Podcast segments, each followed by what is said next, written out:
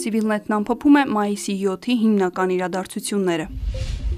Հայաստանի առաջին նախագահ Լևոն Տեր-Պետրոսյանը Իլուրեյեմ կայքում կրկին հրապարակման է հանդես եկել։ Այս անգամ Տեր-Պետրոսյանը հայտնում է, որ Եռակողմ դաշինքի մերժումից հետո հանդիպել է երրորդ նախագահ Սերժ Սարգսյանին։ Նրան առաջարկել է ընտրություններին մասնակցել ՀԱԿ-ՀՀԿ դաշինքով, սակայն այն մերժվել է Սերժ Սարգսյանի կողմից։ Ավելի վաղ Լևոն Տեր-Պետրոսյանը հրապարակավ առաջարկել էր Ռոբերտ Քոչարյանին եւ Սերժ Սարգսյանին ձևավորել ազգային համաձայնության դաշինք։ Այս առաջարկը նույնպես մերժվել է։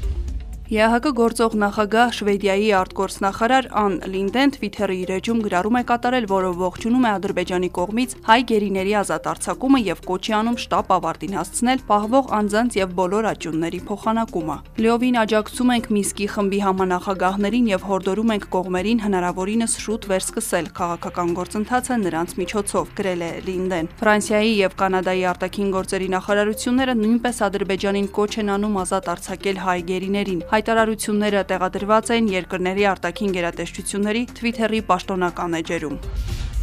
Հայաստանում Արցախի կառավարության օպերատիվ շտաբի սոցիալական ծառայությունների գրասենյակի սոցիալական ապահովության Քաշաթաղի, Շուշիի, Հադրութի տարածքային բաժինների կողմից ապրիլին 57 անձնական գործերով պետական նպաստ է նշանակվել, ընդ որում 13-ը Արցախի հանրապետության պաշտպանության ժամանակ մարտական գործողություններին մասնակցելու հիմքով։ Այս մասին հայտնում են օպերատիվ շտաբից, հավելելով, որ այդ թվում նպաստ է նշանակվել նաև ծառայողական պարտականությունների կատարման ժամանակ զոհված զինծառայողների երեխաների։ Մայիսի 6-ի դրությամբ Հայաստանում կորոնավիրուսի դեմ պատվաստվել է 8652 մարդ։ Տեղեկությունը Civilnet-ին հայտնեցին առողջապահության նախարարությունից։ Վերջին 1 օրում պատվաստվել է շուրջ 1600 մարդ։ Նախարարությունից տեղեկացրին նաև, որ 8652-ը եւ Հայաստանի գնաց AstraZeneca-ով ու Sputnik-ով եւ Ռուսաստանի կողմից մինչև գնումները նվիրաբերված 2000 Sputnik V-ով պատվաստվածներն են։ Հայաստանում պատվաստվել հնարավոր է պոլիկլինիկաներում եւ Երևանի տարբեր հատվածներում գտնվող պատվաստումային կետերում։ Եթե նախկինում պոլիկլինիկաներն աշխատում էին 5 աշխատանքային օր, ապա հիմա աշխատում են նաև շաբաթ-կիրակի օրերին՝ առավոտյան ժամը 10-ից մինչև 16-ը։